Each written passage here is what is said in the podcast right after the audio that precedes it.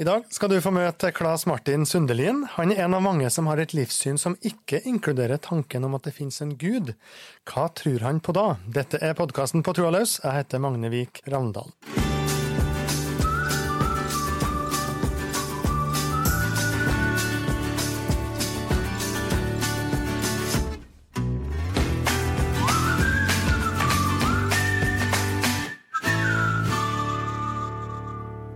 Aller først er greit at vi sier bare Klas? Det er helt i orden, vet du. Det høres litt sånn småsvensk ut. du. Ja, jeg er fullblodssvensk. Ja. Ja, det er det, ja. Svenske foreldre. Begge dine foreldre er svenske? Ja, begge er svenske. Og vi flytta til Norge da jeg var sju år. Mm. Eh, og da eh, ble jeg med på lasset, da. Mm. Eh, vi flytta først til Nord-Norge, bodde der noen år. Altså jeg snakka nordlending først, som liten. Ja. Eh, og så flytta vi til Telemark litt seinere. Notodden i Telemark. Og bodde 90-tallet der. Litt svensk slenger her å høre da. Det høres ut som du er en ganske godt integrert utlending. Ja, ja, ja, ja det. Og nå er jeg faktisk norsk statsborger også, så jeg er ikke utlending lenger. Men jeg har vel utenlandsk opphav, kan man jo si. Så nå kan du stemme i alle valg i Norge. i valg. Det var grunnen til at jeg meldte overgang til den, dette laget, på en måte. Um, Så jeg er godt integrert innvandrer, kan du si. Ja, veldig bra. Ellers er du organisasjonssekretær, fint skal det være, i Human-Etisk Forbund. Det betyr jo da, Klas, at du er humanist, og som vi snakka om, ikke regner med en gud. Vil du likevel si at du har ei tru? Det kan man jo si. Vi, vi sier at vi har trua på mennesket, og, vi, og setter vår lit til eh, vitenskapelig metode til å finne ut av verden, og, og også menneskelig erfaring for å tolke dette her. og også en moral basert på medmenneskelighet og forståelse for andre situasjoner. Da. Men at det er noen slags mening utafor det her vi, vi ser og erfarer her, det, det har aldri vært en del av. Nei, det, det er Jeg ser ikke at det er noen ytre mening. Det ser jeg ikke. Eh, universet er, det er ikke tilfeldig, men det er en veldig veldig lang og dyp historie eh, som vi er en del av og gjør slekt med alt levende. og, og det er ikke noen utpekt mening for mennesker, liksom. Det, evolusjon har ikke noe mål, men, så vi må skape vårt eget mål. Vi er, må finne vår egen mening, og det, det gjør jo de fleste i dag. Noen er veldig opptatt av fotballaget sitt, noen er veldig opptatt av jobben sin, og familie, og sanke ting og plukke ting, og ja, alt mulig rart. Folk finner mening overalt. Hva er du opptatt av? Nå nevnte jeg det litt. da. Jeg liker å sanke plukke ting i naturen. Jeg er opptatt av barna mine, og eh, svømming og dykking. Og eh, vært litt innom, kampsport. og ja, Utforska verden, da. Du, vi spoler litt tilbake eh, til heimen som du vokste opp i. Eh, først i Sverige, så sa du sjøl Rolløya i, rett utafor Harstad. Ja. Og så etter hvert eh, Notodden. Var det en heim der det heller ikke var på en måte regna med en, en sånn guddom i, i virkeligheten? Nei, det er mm, veldig lite prat om sånne ting hjemme. Altså, eh, begge mine foreldre er humanister, ateister, eh, og de har også reist veldig mye. De, eh, så de har opplevd og bodd i mange forskjellige kulturer. Eh, Og det hendte at vi var i kirka, det hendte at vi, vi, vi, vi fikk en bibel på barneskolen, tror jeg. Barnas bibel, eller noe sånt. Ja. Um, Så vi har vært litt sånn, fått noen små drypp her og der, og sånn, men ikke noe sånn religiøs oppdragelse hjemme. Det har ikke vært et sånn viktig tema. Mm, og det var tydelig valg for dine foreldre at uh, du skulle ikke bli døpt. Ja, det var et veldig tydelig valg. Eh, Min farmor hadde jo en dåpskjole som alle barnebarna hadde blitt døpt i. Ja. Eh, Så der eh, ble det jo litt oppstyr da når mine foreldre ikke ville døpe meg. da. For de ville ikke ta det valget på mine vegne. da. De ville at jeg skulle ta det sjøl når jeg var gammel nok til å gjøre det valget. Jeg spurte deg om hva det som er det viktigste for deg i dag. Hva var det som, som virkelig sto i sentrum for, for deg i oppveksten? I oppveksten så var det mm, Jeg var aktiv i speideren, jeg var, trente mye svømming. Eh, og jeg var mye ute i skog og natur, egentlig. Foreldrene mine dro meg med både når jeg ville og når jeg ikke ville. Uh, ut på å plukke bær og sopp og oppleve naturen eh, på alle sine måter. Da. Så jeg var veldig opptatt av det. Og så eh, alltid lest veldig mye bøker, helt siden jeg var bitte liten. Jeg husker da vi bodde i Nord-Norge, så uh, vi fikk normalt sett bare lov til å låne én bok i uka på skolebiblioteket. Men jeg fikk lov til å låne tre-fire, da, for jeg leste ut tre-fire bøker på en uke. Så det, Hva, hva var det du søkte etter? Eh, jeg husker jeg Den gang så leste jeg mye sånn eventyrbøker. Det var Hardy-guttene, og det var Nancy Drew, og det var Davy Crocket, og det var andre ting fra Vill Vest, liksom litteratur, da. Ehm, men det var Jeg vet ikke helt, jeg. Eh, Hva skal man si? Eventyrlyst. eh, Lyst til å utforske verden, da. Kan man si. Hva fant du? Jeg fant Jeg finner jo en verden som er fantastisk på alle sine vis. da. Utrolig mye spennende å sette seg inn i. Mm. Uh, og en uh, bokserie jeg fikk masse glede av siden før jeg kunne begynne å lese, det var en svensk bokserie som het 'Jurens underbare verd'. Som rett og slett dreide seg om alle mulige dyr. Mm. Um, og Da var det jo to sider til hver art. På venstre siden det var bilder på. og Der kunne man se tegningen av hvordan dyret var i sitt naturlige miljø.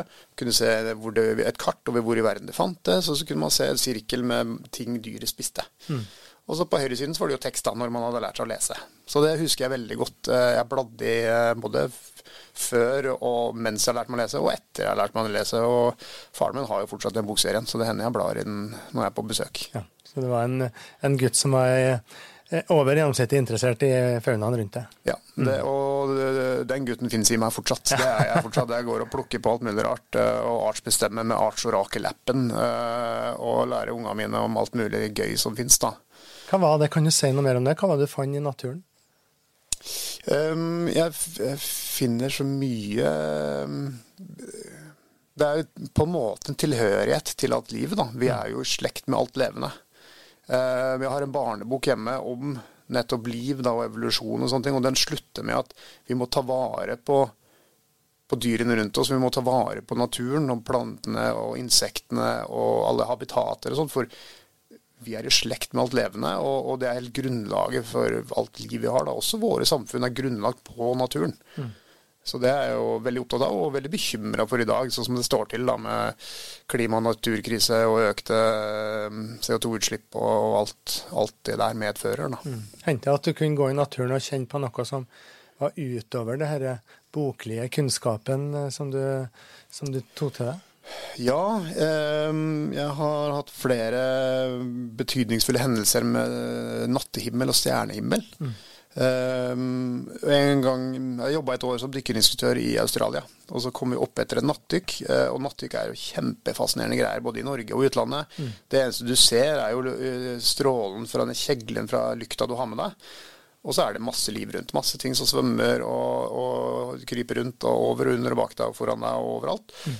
Og på korallrev så så vi jo skilpadder og murener og hai og eh, papegøyefisk og nemoer og liksom alt mulig rart og spennende. Så kom vi opp til overflata. Og barriererevet er jo gigantisk. Det er like stort som Storbritannia. Mm. Uh, og vi, da var vi mange kilometer, kanskje noen mil fra kysten. Og sjøl i dagslys så ville man ikke ha sett kysten. Det ville vært vanskelig å se kysten. Så på natta så ser man i hvert fall ikke kysten. Eneste kunstige lyset var å dykke båten kanskje 100 meter unna. Mm. Så ligger vi midt i havet da. Uh, og den stjernehimmel da, fra horisont til horisont, med hele Melkeveien over oss. Og det er utrolig fascinerende og spennende for meg, da. Og jeg finner det altså Det blir sånn Føler meg sånn ærefrykt, da. Mm. Uh, og en sånn fascinasjon. Jeg føler meg både både liten, selvfølgelig, da, som en bitte liten primat på en enslig planet i Melkeveien, liksom. Mm. Uh, men også veldig stor, fordi alle grunnstoffene tyngre enn de to-tre første grunnstoffene er jo blitt til i fusjon i store stjerner. Som har eksplodert for mm. mange mange milliarder år siden og spredd ut nye grunnstoffer ut i universet. Og som har samla seg til jorda. ikke sant? Og så akkurat nå er disse atomene i min kropp. da. Mm. Så eh, det er jo kjente astronomer som Carl Sagen og sånn har jo sagt at vi er stjernestøv. liksom. Mm. Det er ikke bare en fin ting å si, men det er faktisk helt sant. Mm. Vil du si at det var en slags åndelig opplevelse?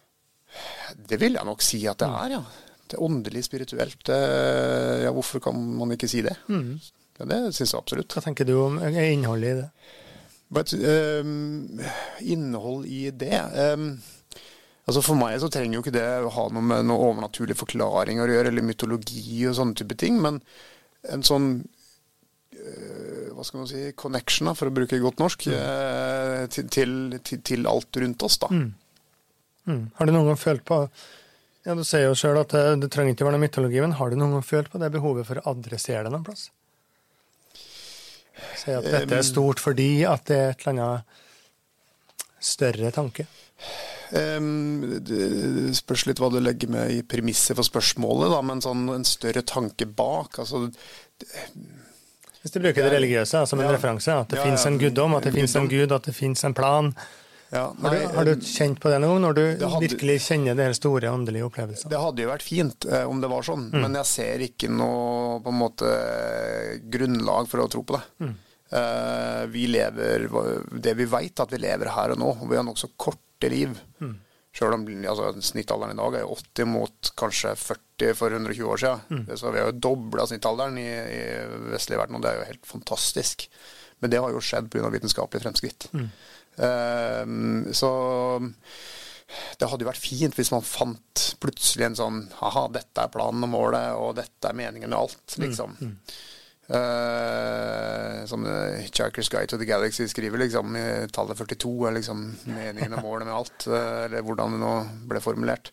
Uh, men jeg ser ikke noe grunnlag for det, altså. Nei, du har ikke kjent noe ønske om at det skulle være sånn, eller? Nei, jeg har egentlig ikke det, altså. Du, eh, du snakka jo om at uh, dine foreldre uh, var tydelige på at du skulle ikke bli døpt.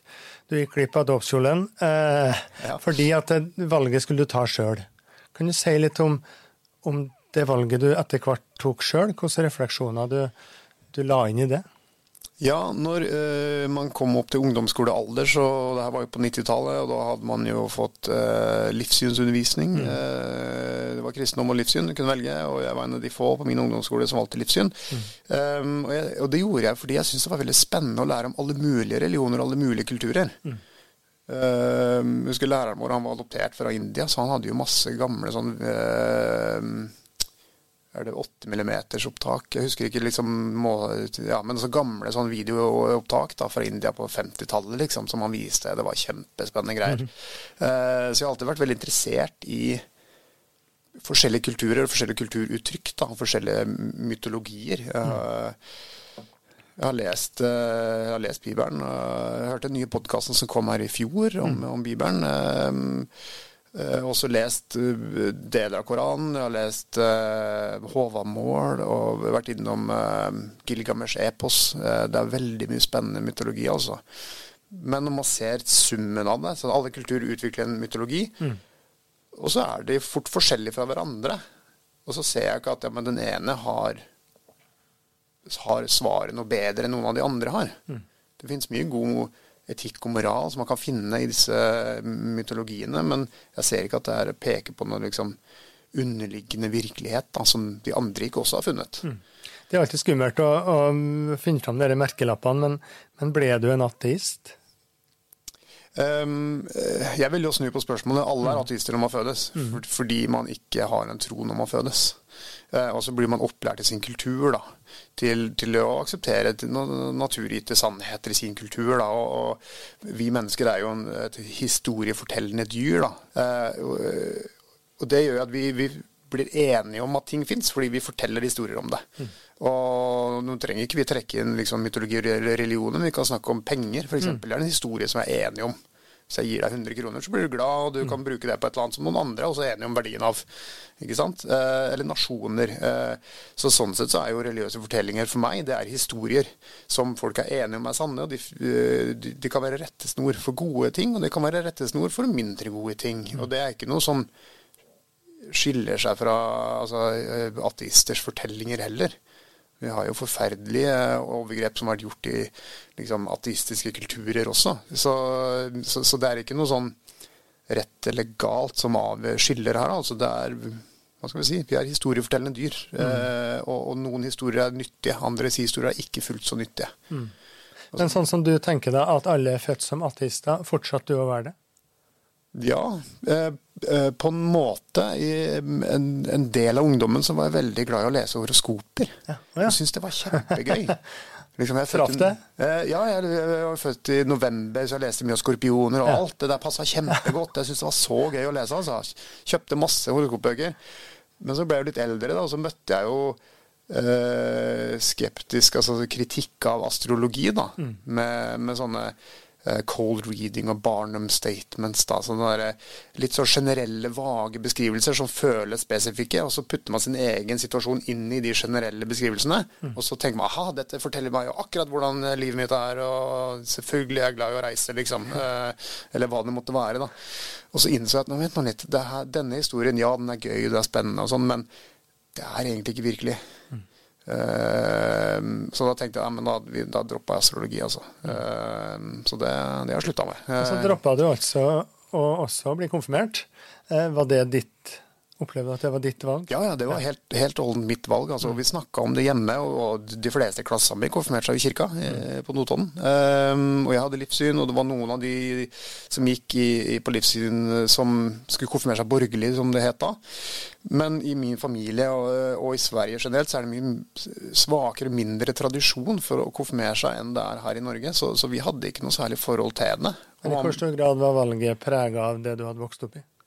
Ja, Det er selvfølgelig veldig prega. Mm. fordi jeg hadde jo ikke noe det var ikke noe sterkt ønske i familien om at jeg skulle gjøre det. Mm. Det var fritt fram hvis jeg ville gjøre det, men mamma og pappa sa tydelig at ja, du kan få konfirmere deg både i kirka eller uh, i denne norske organisasjonen Human-Etisk Forbund. Vi er litt usikre på det, men du kan mm. godt konfirmere deg der òg hvis du vil. Uh, Eh, men det, det, valget må du ta pga. innholdet i konfirmasjonen, ikke fordi du forventer noen gaver. Mm. Det kan hende du får noen gaver, men det blir ikke liksom en moped og en bunad til 50 000. Eh, så de var veldig opptatt av at jeg skulle vurdere innholdet eh, og sånn, og hva det betydde for meg. da. Mm. Men så ble det til at fordi jeg ikke har hatt noe særlig forhold til verken kirka eller Human-Etisk Forbund eller konfirmasjon, så mm. ja, valgte jeg å la være, rett og slett. da. Et år etter konfirmasjonen så dro du til USA. Ja. Um, som eh, en som i ja, Hvis vi bruker ateistbegrepet, i hvert fall en som da ikke anerkjenner noen gud, og så dro du til bibelbeltet i USA, til Texas. Ja, Dallas, Texas. ja. Ja, ja, kultursjokk, eller? Det var kultursjokk. Eh, både fordi det var enormt mange mennesker. I Dallas, eh, jeg vet ikke hvor mange det er nå, men da var det vel 1,5 til 2 millioner mennesker. Eh, en av verdens største flyplasser ligger i Dallas. Eh, på, de har egen motorvei inn på flyplassområdet, og det, du bruker et kvarter fra du kommer inn på området til du er framme. Liksom. Det, det, er gigantisk. Eh, og så er det jo selvfølgelig kjempevarmt i Texas, det er veldig flatt i Texas, det er masse folk. Eh, og så er det jo veldig, veldig mange Altså i USA generelt det er veldig mange religiøse, men de er ekstra religiøse i bibelbeltet, mm. i sørstatene. Mm. Eh, så det var jo et enormt kultursjokk for meg, da. Eh, men på en måte heldigvis for min del, altså min vertsfamilie, det var vertsfaren, han var ateist, men vertsmora var oppvokst katolikk, så hun gikk en del i kirka. Men de var enige om at begge deler er greit, og det var ikke noe hardt press. og, og. Innimellom så var jeg med i kirka, og andre ganger ikke. Um, så, så, det var veldig hva skal man si, spennende opplevelse for en 16-åring. da. Mm. Og så uh, Vertsmora mi var også støttekontakt for en, en, mann syk av aids. Rick Alford. Mm. Og jeg merka jeg ble rørt bare jeg mm. navnet hans, egentlig. Fordi han døde jo det året av aids. Uh, og det var jo helt forferdelig. Eh, men heldigvis, han gikk i, og han hørte til en kirke som het White Rock Community Church. da, eh, Som var en kirke av og for skeive, av og for homofile. Ja. Eh, så til tross for at de bodde i bilbeltet, altså de som på en måte støter skeive mest fra seg, mm. så var, hadde de en, et samhold i en menighet da, som, som, tok vare på dem. Mm. Um, og det betydde enormt mye for meg. da, Så det har gjort at jeg har helt siden den gang vært en veldig hva skal man si, tydelig og sterk supporter for skeives rettigheter. Da. Mm. Um, ja. Mm. Eh, eh, ja, Du sier sjøl at du merker at du blir rørt når du, når du, snakker om han som du ble kjent med, og som døde av aids det året. Det å møte det eksistensielle, døden, på den måten der, hva gjorde det noe med tankesettet ditt? Um, ja, det gjorde jo det. det å dø langsomt i forferdelige lidelser da, mm. er jo en forferdelig opplevelse. Mm. Uh, og jeg finner ikke noen mening i sånn type lidelse. Og det er jo massevis av mennesker som lider helt forferdelig hver eneste dag mm. i, over hele jorda. Uh, så jeg ser ikke at det skal være noen god, allmektig hersker Gud her, da, som mm. på en måte mener godt, men likevel forårsaker enorm lidelse. Uh, det ser jeg ikke, altså. Så, så, på en måte så kan du si at den Eh, hva skal man si mitt humanistiske livssyn ble på en måte forsterka, kan, ja, kan, du si. Den opplevelsen. Ja, ja, ja, for mm. det, det, er, det, er, meningsløst, liksom. Mm. Og et, et år seinere, jeg tror det var 96 eller 97, så kom jo en medisin som gjorde at eh, de som hadde hiv, de fra å få en øyeblikkelig dødsdom med ganske kort prognose, så kunne de leve mye, mye, mye lenger. Mm. Mm. Eh, Eh, så, så, nå i dag, i hvert fall i Vesten, hvis du har tilgang på medisiner, så er ikke hiv en, en så dramatisk dødsdom. Det finnes mange andre sykdommer som er farligere for deg i dag mm. Mm. enn hiv er. Men møtet da med hiv og med denne vennen din og med denne kirka, det, det vakt som du sier, et engasjement for, for de skeive. Kan du si litt om hvordan det har utvikla seg videre? Ja, det har utvikla seg på, øh, på, flere vis. da. Uh, jeg har jo øh, venner som har kommet ut til meg da, før de har fortalt sine nærmeste at de er mm. Uh, fordi de har sett hva jeg skriver på sosiale medier, og de veit at jeg er en supporter. Og de veit at det er en, en, en trygg eh, person å snakke med. Mm. Uh, og altså, jeg har holdt på med mange forskjellige typer idretter opp igjennom. Ja, Vi hadde jo tittelen der 'Humanist i løpesko'. Ja, ja, ja, ja, det var fin. Jeg har vært i mye løpesko de siste par årene. Ja. Og jeg har vært med på Trondheim Triatlon, og der springer man jo. Mm. Um, og der fikk jeg jo ett år av samboeren fikk jeg et sånn rosa strutteskjørt. uh, er det en sånn protest mot uh, tights-generasjonen? Ja, men det var nettopp det. da, fordi veldig mange springer i svarte, svarte lykraklær. Ja. Og da blir det vanskelig å kjenne igjen individer når det kommer en mølje folk springende forbi. Så hun vil ha liksom rosa strutteskjørt på meg, og så mm. veit hun at jeg er både glad i og, uh, liker oppmerksomhet. Så det, det var det helt greit å ta på seg og springe. Mm. Fikk jo masse jubelrop. og heier opp under hele løypa. Det var kjempegøy, altså. Så jeg anbefaler struteskjørt til alle. Ja. Uh, det, men så var det to hendelser i den forbindelse. da. Jeg gjorde det litt sånn for, uh, fordi det var artig. Mm. Uh, men så sprang jeg forbi en mor med litt lita jente, og hun hadde et klin likt struteskjørt. Mm. Så hun nappa mammaen sin i armen og sa 'Mamma, mamma, se! Den mannen der har samme skjørt som jeg har'. Og, og, så så jeg at hun vokste, og hun syntes det var kjempekult. Hun syntes det var tøft at en voksen mann sprang med det der på seg. Jeg hadde jo stort skjegg da og samtidig. Mm. Um, så det var jo en veldig fin opplevelse der og da. Men etterpå så fikk jeg også en melding på privaten fra en mor til eh, et barn som hun kalte det kjønnsåpent uttrykk. da, mm. altså et, et, et, transbarn, kan du mm. si. Eh, som syntes det var veldig fint å se en voksen mann med skjegg leke med kjønnsroller, og, og ikke ta så nøye på det. Det syntes hun var veldig veldig fint å se, og det var, betydde så mye for den familien som så meg. Eh, og de var jo ikke jeg klar over helt da, før jeg fikk den meldinga. Så da fikk skjørtet en stor mening?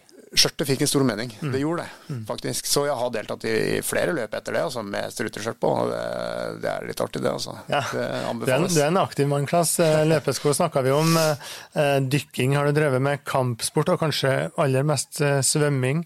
Eh, du har eh, gener i den forstand med en, eh, en bestemor, var det? Oldemor? Oldemor, Oldemor, Oldemor som deltok Karin i OL. Lundgren, ja. Karin Lundgren. Karin Lundgren deltok i OL i 1912 i Stockholm. Du verden, hva kan man gjøre da enn å begynne med svømming? Hva har det gitt deg, all denne aktiviteten?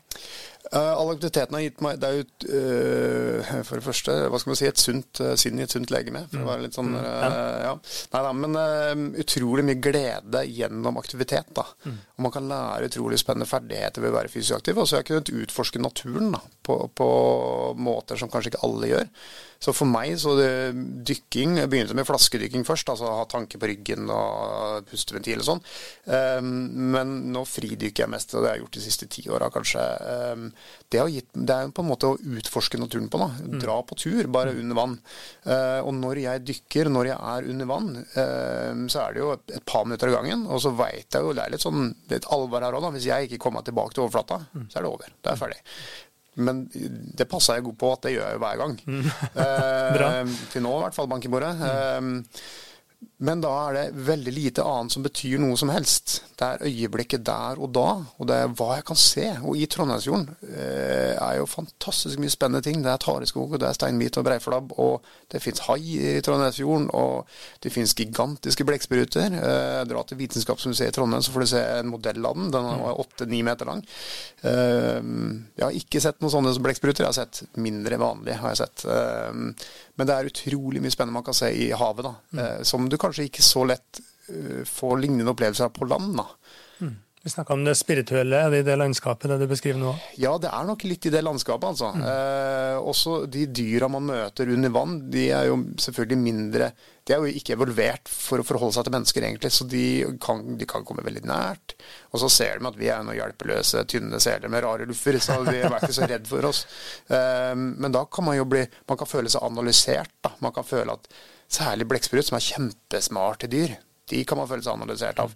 Eh, og hai også, de er også ganske smarte dyr. De, eh, der blir man studert. Eh, men også liksom torsk og krabber og, og bitte små kutlinger i mudderet som fins. Altså, de fins jo i Korsvika, liksom. Mm. Uh, og jeg har hatt reker som har kommet helt bort til dykkermaska mi, liksom, og det, det, er utrolig mye spennende under vann, altså. Ja. ja. det er interessant å høre på det, Klas. Jeg skjønner at det her er noe som virkelig gjør inntrykk. Du er IT-utdanna, du har jobba i en studentby, Vold studentby, Trondheim, ja. og i en datavarebutikk. Ja. Eh, for dem som liker eh, iPhone og Apple-produkter. Ja. Eh, og så ble det Human-Etisk Forbund i 2013. Du sa jo tidligere at foreldrene dine hadde ikke noe forhold til det, og hjem til dere så, så var Human-Etisk Forbund også eh, litt sånn fremmedord. Men, men hvorfor eh, gikk veien dit? Ehm, det, det, var flere, flere, input. Det var, eh, jeg, jo, jeg var jo frukthandler, pleier jeg å si. Jeg jobba på Eplehuset, solgte epler. da, mai er en veldig stor måned, da kom masse konfirmanter innom. Uh, så jeg spurte litt ja, hva slags konfirmasjon valgte du da, og hva tenker mm. du om det? Og sånn. Og så var jo uh, Ungdom er jo som voksne litt sånn varierende involvert i det her. Eh, varierende grad. og så Noen var mest opptatt av å bruke pengene sine, liksom, og det er jo mm. noe greit. Og andre kom med mer sånn veloverveide grunner. da. Uh, så jeg har alltid vært interessert i livssyn og religion og kulturuttrykk, da, kan du jo si. Men samtidig, jobben som selger Ja, det er viktig at folk har datastyr, og det løser mange viktige oppgaver, men det føltes litt eh, tomt for min del. da. Mm. Um, og så var det samtidig Det her var liksom i 2011-2012. Da var det mye skriverier om uh, Joralf Gjerstad, Snåsakallen mm. og, og, healing og sånne type ting. Uh, og jeg tenkte at det her er jo når halve befolkninga mente at han var hel ved. da. Mm til tross for totalt mangel på evidens her, eh, så tenkte jeg at det her, det er jo dette dette må jeg involvere meg i, da. Mm. Eh, og prøve å gjøre en forskjell. Eh, så da eh, kontakta jeg Human-Etisk Forbund og, og, sa at jeg har lyst til å engasjere meg. Og, og tilfeldigvis samtidig da, så ble det lyst ut noen stillinger. Så jeg søkte en av de stillingene, og, mm. og fikk den også, da. Så jeg har vært i Human-Etisk Forbund i over ti år nå. Mm. Er du humanist i dag? Ja, jeg er humanist, ja. Mm. Det, Hva legger du i det? Der legger jeg på en måte hva skal, man si, tre ting. Da. Det ene er jo et virkelighetssyn basert på vitenskapelig metode, da, hvordan vi forstår verden, og så trekke konklusjoner av det. Men også øh, menneskelig altså medmenneskelighet da, mm. og, og, en etikk basert på det, og omsorg for hverandre og naturen og, og, og det andre dyr rundt oss. da. Um, og så er det det at etikken bygges, skal bygge på hva skal man si, en rasjonell gjennomgang av etikken. Da, konsekvensene for handlingene er veldig viktig for min del. Mm. Uh, så for meg så uh, Jeg nevnte jo at jeg, jeg, ser på mennesker som et historiefortellende dyr. Uh, så, så da, for min del, ja, jeg kan være uenig i at religiøse forklaringer er, er riktig. Mm. Jeg syns at de er feil, for så mm. vidt, men det er ikke så nøye heller. For for meg så er handlinger mye viktigere da, enn hva folk tenker og tror. Mm. Og Jeg fikk jo se den kirken i Texas. Eh, noen fantastisk flotte religiøse mennesker som tok vare på veldig, en veldig utsatt minoritet. da. Mm. Eh, så jeg har sett veldig gode handlinger gjort av religiøse, og så har jeg sett mindre gode handlinger. For alle disse her kommer jo fra hjem hvor de hadde blitt mishandla, misbrukt og kasta ut og banka opp og gjort arveløs og ikke sånne ting. Fordi de var skeive? Fordi de var skeive. Mm. Det er også argumentert ut fra religiøst uh, tankesett. da. Mm. Så, så, jeg har sett på en måte flere sider av mynten her. da. Uh, så um, for meg er det ikke så viktig hvordan eller hva folk tror på, så lenge de oppfører seg bra, gjør gode handlinger, har, har gode konsekvenser av sine handlinger. Da. Mm. Hva har det her tiår ti år faktisk nå i Humanitisk ja. Forbund? Konfirmantarbeid, eh, du organisasjonssekretær. Det presenterte vi som i, i starten. Hva har det gitt deg? Det har jo gitt meg mer mening med livet, kan mm. du jo si. Eh, det har det jo helt åpenbart gjort. Og så har jeg fått Eh, jeg har jo aldri lest uh, kristen dagspresse så mye som etter Nei. jeg begynte å jobbe i Humanitisk Forbund. Uh, jeg har aldri vært i så mange kirker og snakka med mange religiøse. Det er, så det er en konsekvens av at jeg jobber i Humanitisk Forbund. Mm. Så det har vært veldig gøy. Jeg har lært masse om mange forskjellige typer menigheter og religioner. Altså. og filosofi og historie og ja. Mm. Eh, men så er det også det med å bidra på konfirmasjonsarbeidet. Jeg har en sånn teknisk jobb i en database, så, men likevel gjør, det er jo viktig tannhjul i det store maskineriet. Da, og bidrar til litt eh, til kritisk tenkning, til, med, til, fokus på menneskerettigheter, eh, minoriteters rettigheter. Ytringsfrihet, demokrati. Altså bidra litt i på en måte samfunnet sånn sett. da. Så jeg har helt klart fått mye mer mening i livet. da. Mm. Men så var det en konsekvens også. Jeg har alltid lest mye bøker. Um, en kjempeviktig bok jeg har lest, er jo The, Life You Can Save av Peter Singer. da. Uh, Strask filosof. Um, som omhandler rett og slett uh, at vi bør være medmenneskelige mot de som lider. Uh, og Vi må se på konsekvensene av våre handlinger. Og, og det er litt sånn den gamle tanken om almisser i, i middelalderen fra, fra, kristne og fra muslimer. Man må gi til fattige fordi de trenger det. Mm. Hvis vi sjøl hadde vært uheldige og, og, trengt hjelp, så ville vi satt pris på å få hjelp sjøl. Så det er en sånn derre eh, Den gylne regel, da. Ikke sant? Eh, men da gikk det opp for meg at jeg, jeg må nødt til å gjøre mer for andre som lider, både mennesker og dyr. da. Mm. Og så samtidig har jeg lest mye om naturen, mye om klimakrisa, mye om eh, det er 65 dyr, av alle dyr, så 65% i landbruket. Eh, rundt 30% mennesker. 4% av ville dyr. Eh, og at vi, vi, spiser arter til Altså, vi spiser så mye dyr og bruker så mye plass på å fø dyr at vi, vi ødelegger habitater. Da. Og da, for å ta konsekvensen av den handlingen, da, så har jeg kutta ut å spise dyr. Mm. Rett og slett for å gjøre mindre impact på naturen rundt meg.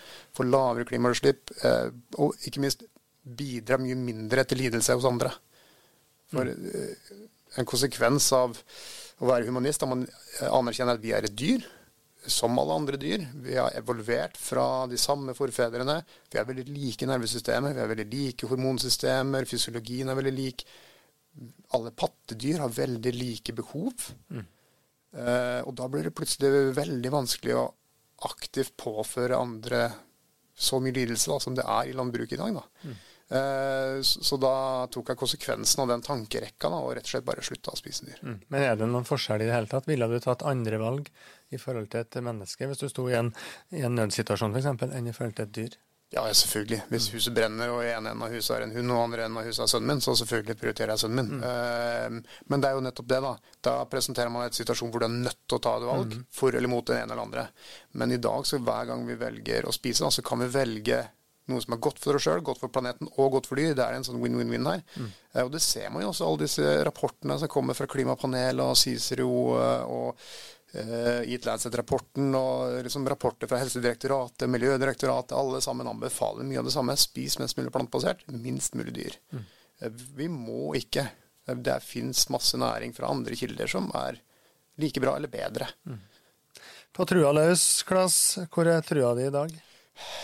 Den er jo her og nå, da. Mm. Hvis man skal si det rent sånn konkret. Da. Vi, vi lever veldig korte liv. Vi er noen døgnfluer, da, selv om vi har dobla snittalderen vår. Da, så er vi noen døgnfluer sett liksom med, med et geologisk blikk. da. Eh, livet har eksistert i fire milliarder år, kanskje. Kambrisk eksplosjon 500 millioner år siden. Det er enorm uh, tid, da. Mm. Dinosaurene, De store dinosaurene da, fantes jo fra 220 millioner år siden til 65 millioner år siden, kanskje. Fuglene er jo også dinosaurer, men de, og de klarer seg jo bra nå. Men men vi mennesker, moderne mennesker har funnet i 300 000 år. Det er en brøkdel. Og hvert individ er jo enda mindre. Er, vi lever så kort liv, så vi er nødt til å forholde oss til her og nå. Mm. Uh, og, og, gjøre det beste ut av det for oss sjøl og for hverandre og for samfunnet. Da. Vi må samarbeide godt. da.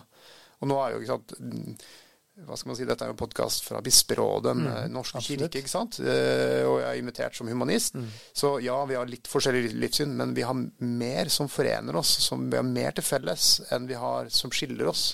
Og det mener jeg gjelder de aller, aller fleste livssyn og religioner. Mm. Vi er mennesker i bunn og grunn. da, og, og kan samarbeide, og vi gjør jo det allerede i veldig stor grad. FN og Nato liksom, og EU, og det er masse sånne eh, overnasjonale organisasjoner som, hvor folk samarbeider kjempegodt på tvers av religion og livssyn. Da. Og det må vi jo fortsette med, og vi må gjøre det i mye, mye større grad for å løse disse globale problemene da, som nasjonalstater ikke fikser. Mm. Om det er klima, eller om det er sultkatastrofer, eller om det er kriger, eller om det er, det er så mange konflikter eller problemer da, som enkeltstater ikke fikser alene. Så vi er nødt til å samarbeide godt, og det gjør vi best ved å gjøre som nå, da. Vi snakker sammen. Takk for praten. Nå har vi snakka sammen i over en halvtime. Klas Martin Sundrin, flott at du kom til podkasten. Takk skal du ha.